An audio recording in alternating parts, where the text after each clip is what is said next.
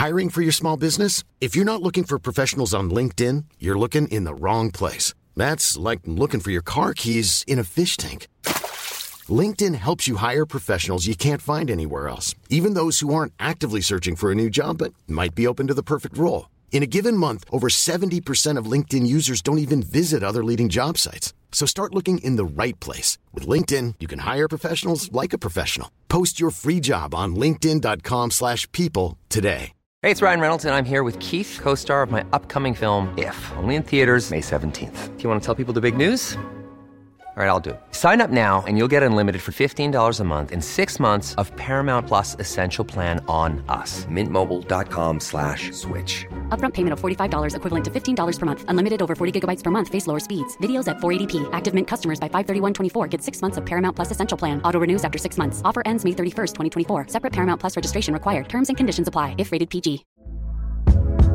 Hey there, it's Michelle Norris. I'm host of a podcast called Your Mama's Kitchen. When I travel, I'm usually looking for a way to find a taste of home when I'm not at home. And one of the things I love to do when I am at home is entertain. And Airbnb allows me to do that. When I was in California recently, I rented a house that had a great kitchen. And when we were sitting around the table, we're all thinking, we're in someone else's house. Someone could be in all of our homes as well. If you have a home, but you're not always at home, you have an Airbnb. Your home might be worth more than you think. Find out how much at airbnb.com/slash host.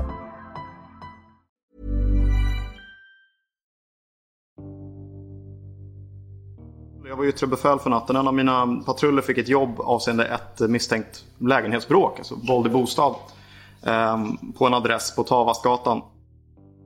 Det är en kall februarinatt år 2020 och Antti Järvele arbetar denna natt som polisinsatschef. Han hör på polisradion hur en av hans patruller får ett uppdrag avseende ett misstänkt lägenhetsbråk. Samma patrull har redan tidigare under kvällen varit på just den här platsen efter liknande anmälningar om högljutt bråk. Men då de har kommit fram till platsen har det varit helt tyst. Inget bråk lyckades lokaliseras och de fick då lämna platsen. Eftersom det är en lugn natt i övrigt väljer nu polisinsatschefen Antti att själv följa med patrullen som nu åker på det här nya larmet. Strax efter tvåtiden anländer de till Tavastgatan på Södermalm i Stockholm. Man kan säga att man går in genom porten, det är ett äldre stenhus. Så går det som en liten korridor och ut sen på en öppen innergård som på en platå. Och eh, väldigt vanligt på sådana här ärenden är att man hör ingenting. Det är väldigt tyst. Man brukar ofta lyssna sig fram för att veta var, vad det är man ska leta efter. Bara för att liksom samla in ingångsuppgifter. Har vi någonting överhuvudtaget? Eller vad, vad kan vi liksom, vad hör vi? Men det här är precis tvärtom. Här hör man att det är full fight. Som sagt, jag har varit polis i tio år och det här liksom, så här tydligt har det aldrig någonsin varit. Det här är en helt annan dimension av lägenhetsbråk. Om man får kalla det det, även om det inte var en lägenhet den här gången. Det kommer snart visa sig att det här inte rör sig om ett vanligt lägenhetsbråk. Det här är någonting helt annat.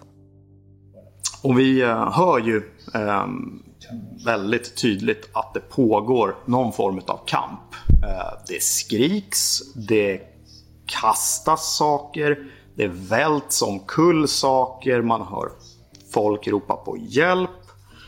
Ehm, eh, vi refererade i efterhand till det här lite grann som ett polishögskole-case. Det var, så, det var så löjligt tydligt att det pågår någon form av kamp på liv och död. Jag har liksom aldrig varit med om att det är så tydligt. Eh, men vi blir inte kloka på inledningsvis varifrån ljudet kommer. Och vi springer runt i grannfastigheter och upp och ner. Tills vi inser att det här ljudet kommer underifrån oss. Alltså underifrån innergården på något sätt. Nu först får polispatrullen äntligen grepp om var tumultet kommer ifrån. Ljudet studsar och ekar mellan huskropparna, men verkar komma underifrån dem. En av poliserna i patrullen lyckas få tag på en nyckel till källardörren från en av de boende i lägenhetsbyggnaden. Källardörren leder dem ner för en spiraltrappa där de möts av en massiv ståldörr som påminner om dörren till ett skyddsrum. Bakom den dörren hör de att det pågår en ihärdig kamp mellan liv och död. Eh, vi skriker att det är polisen. Eh, öppna dörren nu genast. Eh, och det vi får till svar är, vi hör någon inifrån ropa att det går inte, han har kniv, han står vid dörren. Vi tolkar de där utropen som att det finns folk där inne som vill ta sig ut men inte kan därför att dörren är blockerad av då minst en gärningsperson. Att försöka bryta upp den här dörren med en kofot, som är vad de har nära till hands, är lönlöst. Skriken fortsätter att eka upp för trappen och tumultet tycks eskalera. Insatschefen Antti inser att läget är akut. Där inne någonstans pågår det potentiellt någon form av dödligt våld. Folk håller på att stryka med där inne. Den här dörren ska upp nu helst det går. Antti tillkallar nu den regionala insatsstyrkan och i väntan på att de dyker upp försöker man kommunicera med personerna i källarlokalen utan någon större framgång. Inga alternativa vägar in i lokalen tycks heller finnas. Minuterna går och när den regionala insatsstyrkan väl är på plats är Antti bestämd. Ståldörren måste upp omedelbart. Och jag samverkar med deras gruppchef och ger dem mina direktiv att jag vill ha upp dörren och jag vill ha det uppsäkrat där inne. Ni väljer metod, varsågoda, kör. Han ser det som fara för liv och vill att vi går in för att rädda liv när vi landar på platsen. Tobias Holmberg är en av poliserna i insatsstyrkan som anländer till platsen. Han möter upp Antti och får direktivet att forcera den massiva ståldörren med vilka medel han vill. Den måste bara upp. Och i samband med att vi ska påbörja den här dörrforceringen så uh, öppnas dörren inifrån. Tobias och hans insatsstyrka hinner alltså bara göra sig i ordning då dörren plötsligt öppnas inifrån. Ut kastar sig två märkbart chockade personer. En man och en kvinna kastar sig utifrån det här rummet eller lägenheten eller vad man nu ska kalla det. Det jag uppfattar där och då, det är, allt går väldigt fort men eh, de har tillhyggen i händerna. De är blodiga eh, och kommer ut i panik. Min bild där och då är att ingen av dem är att betrakta som gärningsman eller gärningskvinna. Det sättet de, de lämnar det här rummet, de ska ut till varje pris. Även fast det står eh, x antal eh, insatspoliser utanför som, som initialt motar dem så de, de vill bara därifrån. Det, det, är, det är väldigt uppenbart att de kommer... Det, det, hade inte spelat någon roll vad vi hade gjort så hade de fortsatt och försökt ta sig ut. Nu vill ju vi få ut dem så vi, vi släpper ut dem. Det var en ganska, ganska absurd scen överhuvudtaget. Liksom. Hela, hela ärendet i sig var ganska absurt eh, på många sätt. Insatschefen Antti ser hur den ena mannen, som panikslaget, springer ut från källarlokalen och uppför spiraltrappan blöder kraftigt från huvudet. Och både han och kvinnan som också springer ut är täckta av vit målarfärg. För vi börjar fundera, vad, vad är det här egentligen? Vad, vad, är det frågan om? För de är verkligen täckta av någonting som jag upplever som alltså vit färg eller lacknafta och hela trapphuset är ju vitt efter färg som har spilt så att liksom stengolvet är täckt av vit färg. Mannen och kvinnan är uppenbart inte gärningsmän i den här händelsen. En händelse som polisen ännu inte riktigt fått någon klarhet kring. Men mannen och kvinnan tycks vara skadade och tas snabbt om hand av ambulanspersonal. Kvar lämnas Antti, hans patrull och den regionala insatsstyrkan. Alla lika förbryllade av den här absurda situationen. Vad är det frågan om? Vi vet fortfarande inte riktigt juridiskt var vi, var vi är någonstans. Är det försök till mord? Är det misshandel? Eh, vad, vad är det här egentligen? De får nu uppgifter från mannen och kvinnan att två personer ska befinna sig kvar i källarlokalen, varav den ena är att betrakta som gärningsman. Tobias och hans insatsstyrka börjar då ta sig in i lokalen. Nej, det vi ser när vi tittar in i eh, det här rummet, det är en pistol som ligger på en köksbänk, eller diskbänk. Eh, hela rummet ser ut som en soptipp. Eh, det ligger eh, vit färg utslängd över eh, golvet. Vattenkranen står på, det forsar vatten. Det är nersläckt. En så kallad distraktionsgranat slängs in. Alltså en granat som kraftigt lyser upp rummet när den detonerar. De upptäcker då att minst en till person befinner sig i lokalen, som nu också gör sig till känna. Han tycks befinna sig bakom, eller inuti, en vägg. Han säger att han heter David. Och att han står bakom en vägg. Eh, och vi försöker lokalisera den här väggen. Och det tar, det tar en ganska lång stund innan vi kan se liksom, bakom vilken vägg han är. Eh, det som gör att vi kan lokalisera han är att han kan sticka upp sina fingrar i ovankant på den väggen. Eh, I samband med det här så görs även den andra personen där inne, ger han sig till känna. Denna andra person tycks också befinna sig bakom samma vägg. Hur de båda tagit sig in dit får poliserna först inte grepp om. Men det de får grepp om är att denna David tycks frukta för sitt liv och blir hotad av den här andra personen som insatsstyrkan direkt misstänker är gärningsmannen. Han pratar med sig själv i tredje person, eh, uppträder psykotiskt, eh, svarar inte på tilltal överhuvudtaget utan väldigt märkligt.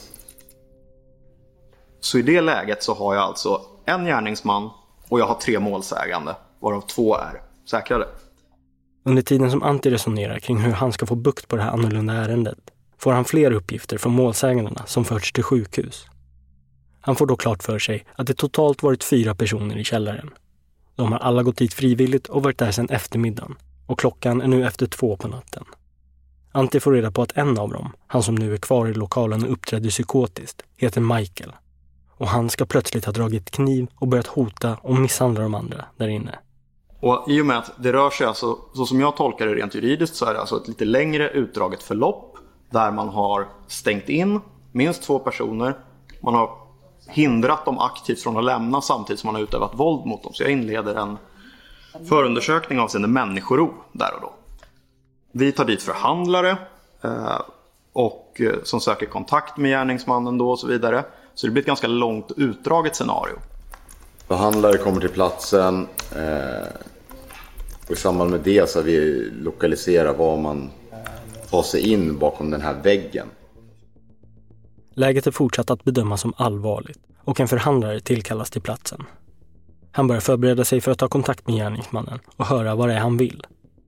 Samtidigt befinner sig Tobias i källarlokalen och hör hur Michael inifrån väggen uttrycker olika hot. Eh, Han skulle sticka ut eh, ögonen och... Men, men som jag... Det uttalas en massa hot. Men jag kan inte säga vem hoten är riktade mot. För I min värld så pratar han med sig själv. Han är psykotisk och helt borta. Polisinsattschefen Antti får nu vaga uppgifter om att en av de räddade personerna är något osäker kring vilken roll den här David haft under kvällens gång. David är i själva verket inget annat än ett brottsoffer och de här uppgifterna kommer senare korrigeras. Men just där och då tar Antti det säkra före det osäkra och tolkar uppgifterna som att även David ska betraktas som en nedgärningsman. Så vi blir liksom inte riktigt kloka på hans roll. Vi har ganska dåligt med ingångsuppgifter överlag. Men där och då fattar jag beslut på att eftersom det är väldigt oklart här och nu så har vi att betrakta båda som skäligen misstänkta. För vi måste utreda vem som har gjort vad här, vems roll som har varit vad. Och för att göra en väldigt lång historia kort så kan man säga att förhandlingen leder ingen vart. Och till slut så talar jag, säger jag till piketen att ni får riva den där. Om ni känner att ni har den taktiska möjligheten och verktygen för det, riv väggen så plockar vi bort dem. Att försöka få de två männen som är bakom väggen att själva ta sig ut är lönlöst. Kommunikationsförsöken med gärningsmannen Michael leder ingen vart. Så man beslutar om att väggen omedelbart ska rivas ner. Vi eh, forcerar den väggen han står bakom. Griper David, evakuerar honom. Vi fortsätter bryta väggen. Vi eh, griper Michael. Eh, Han, eh, när vi kommer i närheten av honom så börjar han lyda våra uppmaningar. Och kommer självmant ut från det här dolda utrymmet. Ja, det är egentligen det. Efter att polisen befunnit sig på platsen i tre timmar grips slutligen gärningsmannen Michael. Även David grips nu, men frias snart från alla misstankar om att ha varit medgärningsman. Istället kommer han betraktas som en av brottsoffren. Men den stora frågan som kvarstår är vad det egentligen var som hände i den här källarlokalen den här kvällen och natten. Jag kommer i kontakt med en av de som befann sig där och som kan berätta. Hallå? Hej Jacqueline! Hallå? Hallå? Hej, hör du mig? Jag hör inte. Hör du Hör inte? du mig? Ja, jag hör dig. Jo, jag hör dig. Jaha. Ja, det är bra. Jag är så jävla lomhörd. Vänta. Ja. Nu då? Ja, ja, jo, jag hör. Allkonstnären och musikern Jacqueline var den kvinna som tillsammans med sin dåvarande pojkvän Marcus kastade sig ut ur källarlokalen, nedstänkt av vit färg, lacknafta och blod. Det var också pojkvännen Marcus som var ägare till källarlokalen, som i själva verket var en konstateljé. Vad har du för dig? Eh, jag åker, jag håller på, jag har ett litet konstprojekt som jag håller på med som är uh, ett Disneyslott som jag bygger som ska bli en dockteater. När jag ringer upp Jacqueline är hon mitt i skapandet av ett konstprojekt. Ett stort Disneyslott i papier-maché som ska bli en dockteater. Men ja, det har blivit mycket större än jag hade tänkt från början liksom. Jag har varit och handlat prylar till det och där. Min mamma och kille är det och hjälper mig. De eh, är från Norrland. Disneyslottet har växt i omfång, men Jacqueline tycks sprudla av entusiasm och skaparglädje. Hon tycks befinna sig på en bra plats i livet nu.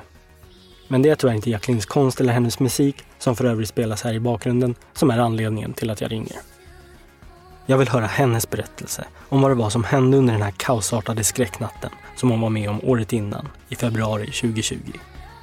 Det som eh, hände? Ja, det som hände dig och, och dina kompisar. Ja, ja. Jacquelines fryntliga framtoning ändras när vi kommer in på det här ämnet. Hon säger att hela händelseförloppet eskalerade successivt. Hon liknar händelsen med grodan och det kokande vattnet.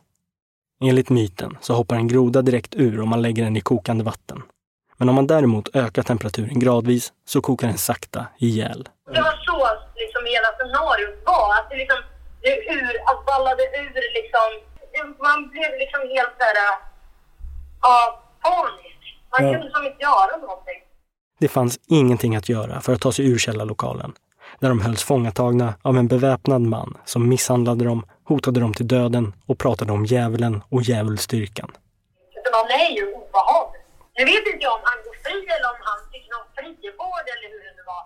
Han Någon vecka senare bestämmer jag och Jacqueline ett möte där hon får berätta mer. Men jag tror att det är lite... Men jag har haft på känn att du skulle höra av dig också. Mm.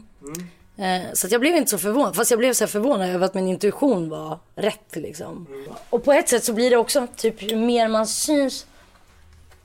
Alltså jag har också en rädsla för att här, andra ska göra mig illa liksom. Och det här är ett sätt för mig också att säga att jag vill må bra. Det är lite ett skydd för mig också på ett sätt att få tala om för människor att jag är liksom på ett ljust ställe i mig själv på något vis. Alltså, mm, det är komplext. Men, men ja, jag kommer fram till att det är bra. Mm. Du lyssnar på Rättkonstpodden och på del 1 om skräcken i källarateljén. Mitt namn är Nils Bergman.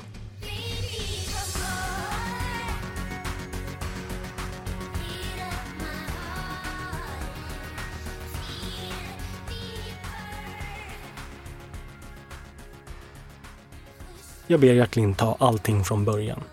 Hur det kom sig att hon ens hamnade i den här källaren. Och Jacqueline, hon tar mig långt tillbaka i tiden och bjuder med mig på en resa genom Sverige, Norge och Island. Ja, men jag, några månader innan så var jag till mitt stora förtret tillbaka i Stockholm igen. Jag har ju bott här i tio år. Eh, fram och tillbaka med en paus. I, jag var i Malmö i tre år också. Och eh, sen har jag jobbat halva tiden. Jag har jobbat som sjöman i Norge eh, i nio år. Så att jag har liksom varit 50% borta eh, och levt eh, ett liv här och sen ett i skymundan på en båt i de norska fjordarna.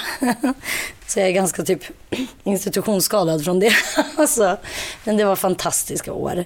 Ehm, och sen så bröt det, det hände mycket i mitt liv. Efter en blomstrande karriär inom musik med hyllande recensioner så tröttnar Jacqueline på själva musikbranschen.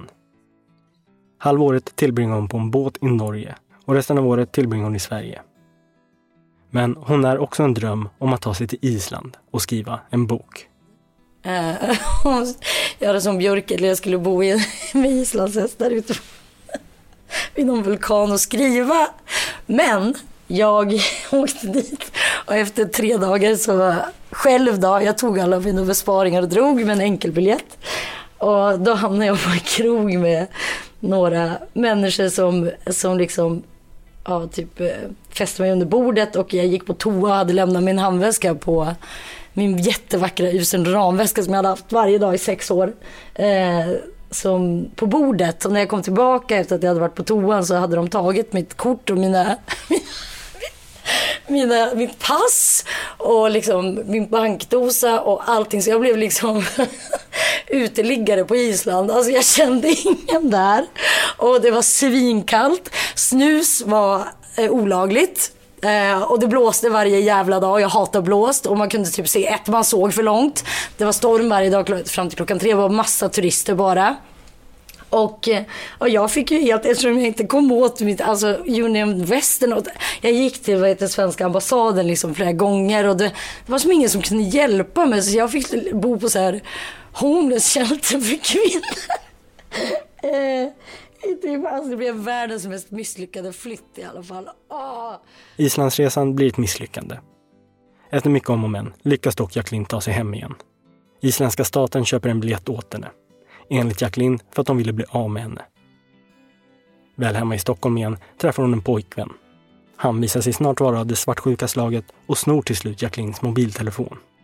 Förhållandet tar slut där och då, men mobilen får hon aldrig tillbaka.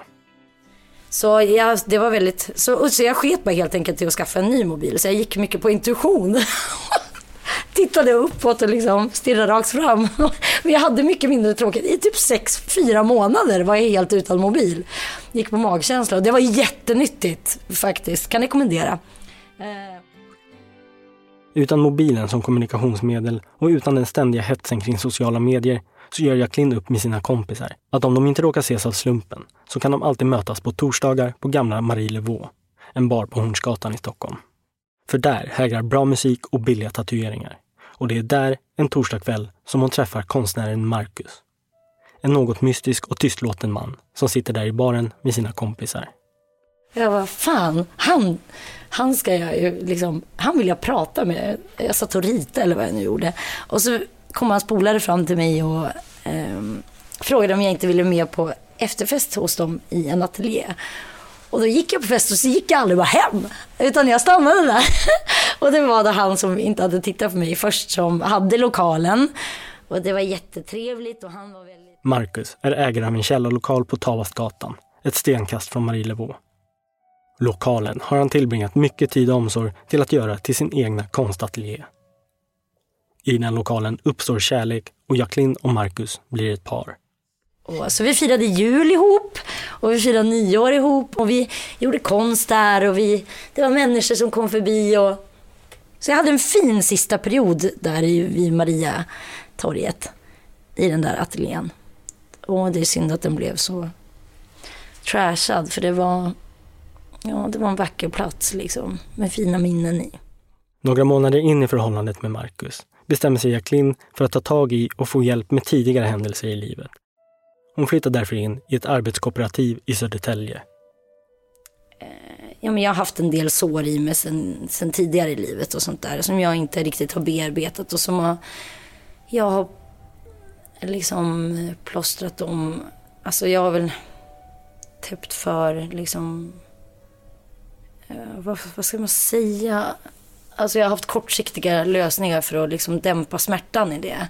Eh, när jag har saknat verktyg till att gå till botten med dem på riktigt. Och, eh, men jag har haft en vilja till att liksom eh, få göra det så att jag sökte hjälp. Eh, jag... På arbetskooperativet får Jacqueline den hjälp hon behöver och hon stormtrivs. Hon sköter sig exemplariskt och får tillbringa mycket tid till en av hennes stora passioner, att rida hästar. Ryska baskirer, för att vara specifik. Övrigt socialt umgänge hålls begränsat. Men på Jacquelines födelsedag kommer dock pojkvännen Marcus och uppvaktar henne. Under armen har han en inslagen laminator. För att jag älskar att laminera grejer. Och det tyckte jag var så jävla romantiskt. Och så um, en, han hade köpt bubbel också, alkoholfritt för min skull. Uh, Födelsedagsfirandet blir kortvarigt och Jacqueline finner sig snart själv igen. Dagarna flyter på bra, men nätterna kantas av nattskräck och ångest. Men så var det en dag, jag kände mig snygg, jag hade tränat, jag kände mig kurant. Eh, men så en vacker dag i februari 2020 beslutar sig Jacqueline för att tumma på reglerna gällande umgänge och planerar att i smyg ta tåget in till Stockholm. Och det var fint väder, det var en söndag och jag Jag kände att jag liksom hade tillräckligt med kött på benen för att komma in till stan och gå på bio och sånt där. Jacqueline vill träffa Marcus, gå på bio och bara ta det lugnt. För att sen återvända tillbaka till hemmet i Södertälje på kvällen. Men det här är långt ifrån vad som faktiskt kommer att hända. Jacqueline som äntligen fått en bra struktur i sitt liv kommer denna söndag eftermiddag få hela sin tillvaro omkullkastad och tvingas genomlida sitt livs största trauma. Vi övergår nu till att höra det Jacqueline berättade om händelserna i Stockholms tingsrätt våren 2020. Och berätta därifrån då. Du kommer dit på söndag eftermiddag. Vad gör ni då? Vad är det som hände sen? Ja, alltså, jag tycker att det är kul att träffa David igen. Mm. Eh, Jag tyckte om honom väldigt mycket. Mm. Och sen Marcus såklart, för vi hade inte sett sen min födelsedag. Så det var nästan en månad sedan vi sist sågs. Jacqueline berättar hur hon och kompisen David börjar prata med varandra. Men där i källarateljén finns också en fjärde person, Michael. En person som Jacqueline bara träffat ett fåtal gånger tidigare och som hon tyckt varit något obehaglig. Hon har aldrig riktigt vetat vart hon har honom. Hur var stämningen då? Den var helt... Ja, jag uppfattar dem som ganska låg energi liksom, men ganska slitna liksom. Att de har varit ute igår så. Mm. Eh, Michael började i och för sig typ lite prata med sig själv och sånt där. Och typ skratta till och... eh, ja. Eh, men, ja, men det, vi, vi umgås allihopa liksom lite grann och sådär. Jag ser att David har med sig musikutrustning. Eh, och så pratar vi väl om det. Ja, men jag och Jacqueline har lite feeling för att eh, kanske göra lite musik. Och eh, vi försöker liksom råda upp för det. Vi hör vännen David. Han fyller år den här söndagen och kvällen innan har han, Marcus och Michael varit ute på en krogrunda. Det var första gången David träffade Michael och han fick under kvällen intrycket av att han är en udda figur. Med sig på krogrundan hade Michael ett baseballträ som han pyntat med en napp och ett kugghjul. David berättar hur han känner sig något obekväm med Michaels sällskap. Han vill för tingsrätten inte heller nämna Michael vid namn, utan kallar honom istället för personen i fråga. Och ni gör musik, ni dricker lite sparsamt. Vad är det som händer sen då? Eh, sen så ehm, eh, går ju Jacqueline och eh, Marcus ut en sväng. Mm. Och innan de går ut så eh, eh, säger eh, den här personen då i fråga eh, om du går med dem så dödar jag dig. Inte med någon så här hård ton utan bara lite smooth sådär. Och eh, då kände jag direkt att okej nu är den här killen obehaglig. Nu måste man verkligen vara på tårna här. There's never been a faster or easier way to start your weight loss journey than with PlushCare. PlushCare accepts most insurance plans and gives you online access to board-certified physicians who can prescribe FDA-approved weight loss medications like Wigovi and Zepbound for those who qualify. Take charge of your health and speak with a board-certified physician about a weight loss plan that's right for you. Get started today at plushcare.com slash weight loss. That's plushcare.com slash weight loss. plushcare.com slash weight loss. If you thought the only way to get a more defined jawline with natural looking results was through surgery, think again. Juvederm Volux XC is a non surgical injectable gel filler that improves moderate to severe loss of jawline definition and can help you achieve natural looking results with little downtime. Even better, this improved definition lasts up to one year with optimal treatment. No maintenance required. Improve jawline definition for a smooth, sculpted look with Juvederm Volux XC. For important safety information and to find a licensed specialist, visit juvederm.com. That's J U V E D E R M.com. Not for people with severe allergic reactions, allergies to lidocaine, or the proteins used in Juvederm. Common side effects include injection site redness, swelling, pain, tenderness, firmness, lumps, bumps, bruising, discoloration, or itching. There's a risk of unintentional injection into a blood vessel, which can cause vision abnormalities, blindness, stroke, temporary scabs, or scarring. Talk to a licensed specialist to find out if it's right for you. Hey, it's Ryan Reynolds, and I'm here with Keith, co star of my upcoming film, If, only in theaters, May 17th. Do you want to tell people the big news? All right, I'll do it. Sign up now and you'll get unlimited for $15 a month in six months of Paramount Plus Essential Plan on us. Mintmobile.com slash switch. Upfront payment of $45 equivalent to $15 per month. Unlimited over 40 gigabytes per month. Face lower speeds. Videos at 480p. Active Mint customers by 531.24 get six months of Paramount Plus Essential Plan. Auto renews after six months. Offer ends May 31st, 2024. Separate Paramount Plus registration required. Terms and conditions apply if rated PG.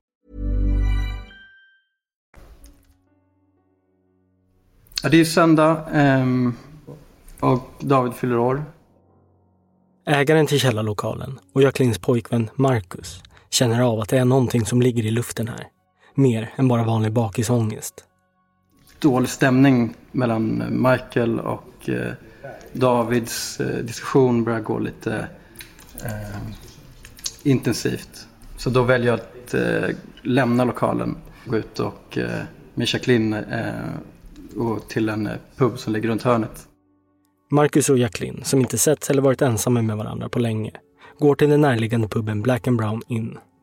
Där tar de bara varsin öl innan de återbeger sig till källarateljén. Vi köpte en liten semla liknande till David och eh, ska sjunga för honom. Eh, och vill försöka lätta upp stämningen lite för att eh, David fyller ändå år. Vi känner att ja, det är passande. Ja, vi, vi har ju köpt en semla för det är Davids födelsedag. Och så sjöng vi där lite grann och det var ändå... Det var, lite, det var bra stämning när vi, när vi kanske kom då och sjöng och så. Men sen så blir det... Eh, ja, men ganska snabbt rätt otrevligt ändå, tycker jag. David har under den korta tiden Jacqueline och Marcus varit borta känt ett växande obehag gentemot Michael. David har egentligen också velat lämna lokalen, men ändå valt att stanna för den goda fridens skull. Får jag den här semlan, eller jag, hin- ja, jag får inte äta upp hela semlan för att eh, personen i fråga går och tar överdelen av semlan. Trycker i sig själv min födelsedagspresent. Sen direkt efter det så börjar den här eh, showen då liksom. Jag sitter sen i soffan och det är då den här episoden börjar. Det är svårt för målsägandena att sätta namn på händelseförloppet som nu utvecklas. Showen eller episoden är alltså benämningar på det totala kaos som nu kommer att börja urarta sig. Vi hör Marcus. Ehm, eh, sen börjar Michael eh, visa ett eh, beteende som är ganska kontrollerande. Och börjar vill att vi ska lyssna på honom och börja prata. Och vill att alla ska lyssna på honom. Vi andra får inte säga någonting till honom eller till varandra. Ja, alltså jag uppfattar det som att alltså Michael, han blir ju dominant när han inte får uppmärksamhet liksom. Och eh, jag och Marcus var väldigt kärleksfulla mot varandra. Och eh, det provocerar honom liksom, upplever jag det som. Ja, men han börjar liksom skratta för sig själv och så. Eh, sen säger han också, när det börjar bli obehagligt liksom, så säger han, börjar prata om att han är i pakt med djävulen och att han ska prata och att vi ska vara tysta. Och eh, att vi ska lyssna på honom. Michael börjar nu ta mer och mer plats och blir mer och mer dominant. Alla ska lyssna på honom och han börjar prata om djävulsstyrkan. De tre vännerna förstår fortfarande inte riktigt vad det är som pågår och spelar inledningsvis med. Ja men du vet, jag, jag, tyckte, jag, jag är lite kluven där. Men jag känner ju liksom att jag måste vara honom till lags. Vi hör David. Han vittnar om att Michaels beteende går från dominant till hotfullt och aggressivt. David sitter en bit ifrån den soffa som Marcus och Jacqueline sitter i. Och David har kraftigt nedsatt syn. Han är blind på vänster öga och ser enbart 10% på höger. Men han ser ändå hur Michael tycks göra hetsiga utfall riktade mot Marcus och Jacqueline. Och då Marcus Jöklin tycks mota mer fysisk aggression från Michael så utsätts David för en mer psykisk påfrestning. Michael har hela tiden David under uppsikt, tar kontroll över honom och beordrar honom att utföra olika saker. Beordrar mig att eh, plinka på synten. Och eh, då, då gör jag det som att jag tycker att det vore roligt. För att jag vill vara honom till lags. Då kan det jag kanske uppfatta som att jag tyckte att det var roligt. Men eh, det tyckte jag inte var roligt för jag var ju rädd. Både David, Marcus och Jacqueline är vid det här laget rädda och de känner att det här är på väg åt helt fel håll. Ett psykologiskt spel har påbörjats där Michael tycks testa vännernas gränser. Så han går liksom bananas och, och sen så bara avtar det. Och i första gången där så, så, så var jag faktiskt eh, helt eh, inställd på att okej, okay, nu var det slut. Nu ska vi gå ut och ta en öl. Bra jobbat hörni, vilken film! Men så var ju inte fallet för då satte han ju igång igen. Det är ju redan, nu har vi gjort det här, varför fortsätter det? Då har han inte börjat bli alltså, jättegrov än. David, Marcus och Jacqueline kämpar frenetiskt med att förstå vad som händer. Gradvis växer våldsamheterna fram och plötsligt uppmanar Michael, Marcus och att inte röra på sig. Jag, eh, jag sitter i soffan, jag får inte röra på mig. Eh, det kommer jag ihåg för jag försökte vid ett tillfälle luta mig tillbaka för jag satt i en ganska dålig position framåtlutad. Eh, och när jag försökte luta mig tillbaka så fick jag ett slag. Jag tror att det var det första slaget som jag fick utdelat på mig. Då jag förstod att det var på riktigt och han menade allvar med, med sina hot. Så jag satt framåtlutad i kanske 40 minuter. Just för att jag inte fick röra på mig. Jag fick inte röra händerna eller mig själv. Det är nu det börjar bli riktigt illa. Marcus noterar hur Michael börjar placera ut olika föremål och tillhyggen i lokalen. Såsom påkar, knivar och flaskor. Placerar olika saker så som han vill ha det. Förbereder sig för eventuellt eh, någon sorts eh, strid eller liknande. Och vem skulle den striden vara riktad mot då, eller med vem menar du? Jag fick uppfattningen att den var riktad mot mig. Okay. Först och främst. Vad som händer sen är... Eh, eh, han, han eh, tar kontroll över eh, rummet. Till en början så, får, vi får inte säga någonting så jag är tyst och lyssnar på honom. Tittar på honom bara och, försöker, och sträcker faktiskt upp handen försöker få hans uppmärksamhet på eh, höra, tala om när jag kan få prata. Jag vill gärna prata med dig, säger jag. Eh, men det får jag aldrig göra utan han, han fortsätter och eh, jag har en vas på ett glasbord som han slår sönder med basebollträet. Då förstår jag att han menar allvar med, med hans hot och det han gör. Och sen börjar en kaskad av eh, skadegörelse med det här basebollträet på möbler eh, som finns runt omkring och objekt. Ja, men sen så tar han ju fram basebollträet. Ja, då slår han ju sönder den här vasen. Jag svarar ju tillbaka först liksom. Alltså jag har inte varit... Men jag är inte otrevlig själv liksom, men... Jag tar inte att han förnedrar mig. Gång på gång på gång. Till Jacqueline riktar Michael förnedrande kommentarer upprepade gånger och försöker förminska henne. När Jacqueline då säger ifrån tvingar han Marcus att hålla för hennes mun. Och han pratar igen om att han är djävulen. Eh, och eh, att man inte bestämmer när man ska dö och sånt. Eh, bestämmer det. Hur uppfattar du det då? Jätteobehagligt. Sen, ja. ja han babblar på liksom osammanhängande och hotfullt. Och vandrar fram och tillbaka framför oss. Liksom. Och jag blir ju rädd när han börjar slå sönder grejer. Och ser också den där jäk... Förlåt, jag ska inte svära. Eh, kniven. Och så viftar han med den och jag har jättegrav fobi för knivar så att jag blir helt paralyserad. Var liksom. kommer kniven ifrån? Ser du det? Eh, han har den i handen. Jag, jag tror han har haft den i fickan. De förnedrande kommentarerna övergår till rena dödshot. Med en kniv riktad mot Jacqueline och Marcus uttrycker han att de inte har lång tid kvar att leva. De kommer att dö här, idag. Han säger så? Ja, you don't decide when you're gonna die.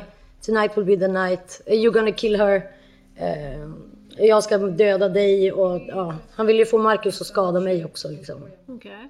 Det var hot om eh, att han skulle döda oss. Eh, ingen kommer lämna lokalen levande. Eh, ikväll ska ni alla här dö. Och hur uppfattar du de här hoten då? På största allvar. Ja. Marcus blir också varse om att det är han själv som ska skada Jacqueline. Så vid ett tillfälle så vill, eh, förstår jag att han vill att jag ska skada Jacqueline. Vilket jag då blankt säger nej till. Det... Vad skulle du göra då? På vilket sätt då? Jag, jag, jag, jag ville faktiskt inte veta vad exakt eh, detaljerna kring det. Men jag förstod att han ville gå dit. Och han, eh, han, han sa det några, vid några tillfällen att, eh, att jag skulle skada Jacqueline. Då Marcus vägrar att gå med på att skada Jacqueline så visar Michael upp att han menar allvar genom att själv göra ett utfall mot Jacqueline och slår henne med ett baseballträ över armen. Jag, jag, det är lite eh, om... Jag, jag, kan, jag ser att eh, gärningsmannen eh, slår mot Jacqueline. Eh, jag tror att han... Att hon har någonting för sig som tar slaget till största, största del. Mm. Ser du vad han slår med? Med basebollträet. Okej. Okay. Lyckligtvis slår han inte tillräckligt hårt för att åsamka allvarlig fysisk skada på Jacqueline. Men fruktan för livet är nu på allvar. Marcus börjar tappa uppfattningen om tiden, men uppskattar det som att de sitter där i soffan, förbjudna att röra sig, under en lång tid. Han minns bara att hans nerver konstant är på helspänn. Jag orkar inte ens titta på honom. Så jag försöker liksom jobba ganska mycket med Jacqueline och, och försöker få henne lugn för att hon är i full panik. Så det, mitt fokus ligger egentligen på att eh, lugna ner Jacqueline så att hon inte ska skrika. För när hon skriker så, eh, så, så händer det saker. Då, då, då blir det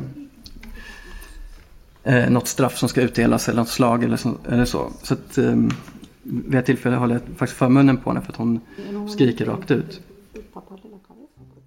När Jacqueline skriker eller gör motstånd så tar Michael fram sin kniv. Den trycker ner mot Marcus ben och viftar den sedan framför Jacquelines hals.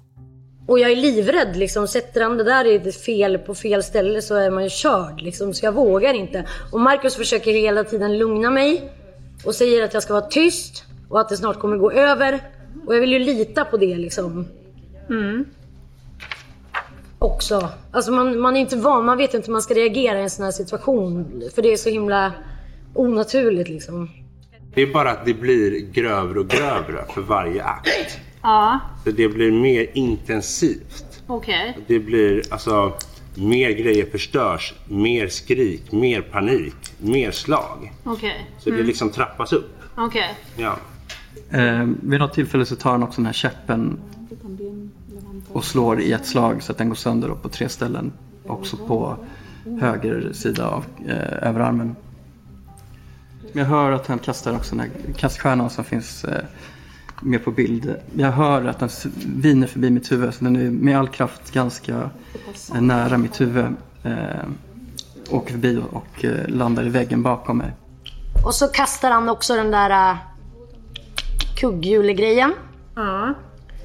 Förbi våra huvuden. Det Marcus benämner som en kaststjärna, som Michael kastar, är egentligen ett stort kugghjul. Det kugghjulet viner förbi deras huvuden, men träffar dem lyckligtvis inte. Um, och sen så, så häller han tändvätska på mig först. Ren misshandel går över till tortyr och det Jacqueline refererar till som tändvätska är i själva verket lacknafta, som även det är väldigt brandfarligt. Detta dränker Michael in både Jacqueline och Marcus i. Och det gör jätteont i mina ögon. Det svider. Mm. Um, det smakar äckligt. Jag får det i hela ansiktet, hela håret, på kläderna. Ganska stor skvätt liksom. Mm. Vad det, tänker du då? Att han, han kan börja kasta kuddar och täcken och sånt på oss också. Liksom bädda in oss så att det ska bli jobbigare för oss att liksom komma upp. Och han är hela tiden framför liksom vårt synfält. Så det går inte att ta sig förbi en liksom. Och jag blir ju livrädd för både min, Marcus och Davids skull. Mm.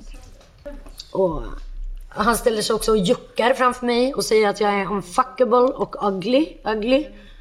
Uh och ta på sig själv liksom upp och ner över sitt könsorgan utanpå byxorna. Det är också jävligt förnedrande. Uh. Vad tänker du att syftet är med att få den här vätskan på dig då? Att han ska sätta eld på oss. Och varför tror du det då? För att han har sagt att, vi ska, att, han, att, han vill, att han vill döda oss liksom. Eller att vi ska dö ikväll. Michael kommer att hälla ännu mer lacknafta över Jacqueline. Men innan det gör han något mot Jacqueline som hon aldrig kommer att glömma. Ja, jag får panik ännu mer. Och sen så sätter han också en plastpåse över mitt huvud och talar om för mig hur han ska stycka mig. Och att jag ska hamna i den där, i den där likpåsen liksom. Varvid jag, för att försöka väcka lite empati, jag har liksom lydit, jag har försökt skrika. Ingenting blir bättre Och jag börjar bli väldigt trött och då tänkte jag, jag kan, eller matt och rädd och liksom desperat. Och då tänker jag, men jag kanske kan slå an hos någon slags empati hos honom. Så jag låtsas att jag är gravid. Uh, och då börjar han skratta och säger att han ska skära ut fostret. Uh, ja, och att jag... Det är inte så lång tid som jag har påsen över huvudet och det är jag själv som tar bort den. Och vad, vad är det för typ av påse? Har en svart, eh, lite mindre plastpåse liksom. Ja, inte en sopsäck. Ja. Var kommer den ifrån? Den låg vid, vid sidan om där någonstans. Och hur gör han då? Han, han sätter den på mitt huvud och jag... Det känns som att jag ska bli avre. Vad sa du? Det känns som att han ska avrätta mig. Kan du beskriva hur påsen är? Du säger på huvudet, är det, hur, hur är den? Gör så att jag inte kan se någonting så. Äh? Uh. Um. Får säga till om du Ja. Um. Verkligen, se till om du behöver paus. Ja, nej det går bra. Ja. Um. Då fortsätter jag. Hur, hur lång tid uppskattar du att du har påsen då över huvudet? Några sekunder, inte så länge. Ja. Uh. Ja, vi försöker väl liksom och så sen så börjar Marcus säga liksom det räcker nu för han har ju sönder mer och mer grejer och liksom beordrar ju också David att kasta saker. Och vi får inte dricka någonting jag och Marcus, vi får inte röra på oss. Den här tortyren kommer att fortsätta i flera timmar till. Inget tyder på att Michael fått nog och våldet kommer att fortsätta eskalera. Det var väl eh, när eh, Marcus började blöda i huvudet som jag började inse att nu måste man eh, vara rädd om sitt liv. Jag fick sy sju stygn i huvudet, det är det vad jag vet. Jag vet inte riktigt hur, men det blödde ganska mycket för den hade träffat en artär i huvudet. Så jag känner att lutar jag huvudet bakåt, då, då rinner det ut väldigt mycket blod. Det börjar ju eh, forsa blod liksom. Eh, och det är jätteobehagligt, jag tror att han ska dö. Och sen kommer David ut från toaletten. Mm. Eh, han får den här kulan i nacken i full fart. Det var så här stor glaskula. Om den hade träffat huvudet så hade jag ju varit död. Du har lyssnat på Rättegångspodden och på del 1 om skräcken i källarateljén. Mitt namn är Nils Bergman. Ansvarig utgivare är Jonas Häger. Tack för att ni lyssnar. Nu har vi inte hört Mikael berätta än, men han verkar vara av uppfattningen att det här är tvärtom, att det är han som är utsatt. Att ni gör saker mot honom. Jag har förstått det. Ja. Har jag förstått dig rätt nu då? Du har inte gjort någonting mot dem, utan snarare är det de som har gjort saker mot dig. Yo todo lo que hice fue en mi defensa, pero yo no eh, traté de, de, de, de maltratarlos en ningún momento. Allt jag gjorde, gjorde jag i mitt försvar. Jag försökte aldrig misshandla dem. Man blev ändå ledsen att han inte ägde upp för någonting och att han fortfarande förnekade och inte kunde titta oss i ögonen och, och liksom äga upp för det han har gjort. Eh, det var provocerande.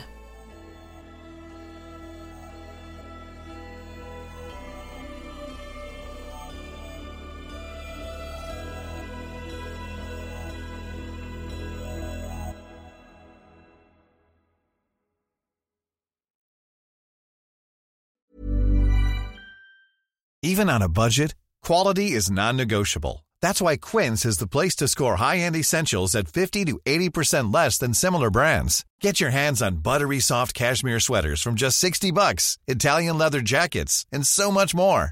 And the best part about Quince, they exclusively partner with factories committed to safe, ethical, and responsible manufacturing. Elevate your style without the elevated price tag with Quince. Go to quince.com slash upgrade for free shipping and 365-day returns. Rättegångspodden är en Tall Tale produktion. Ansvarig utgivare är Jonas Häger. Och Rättegångspodden görs i samarbete med Lexbase. Ange rabattkoden Rättegångspodden när du blir ny betalande medlem på lexbase.se och få tre kostnadsfria domar.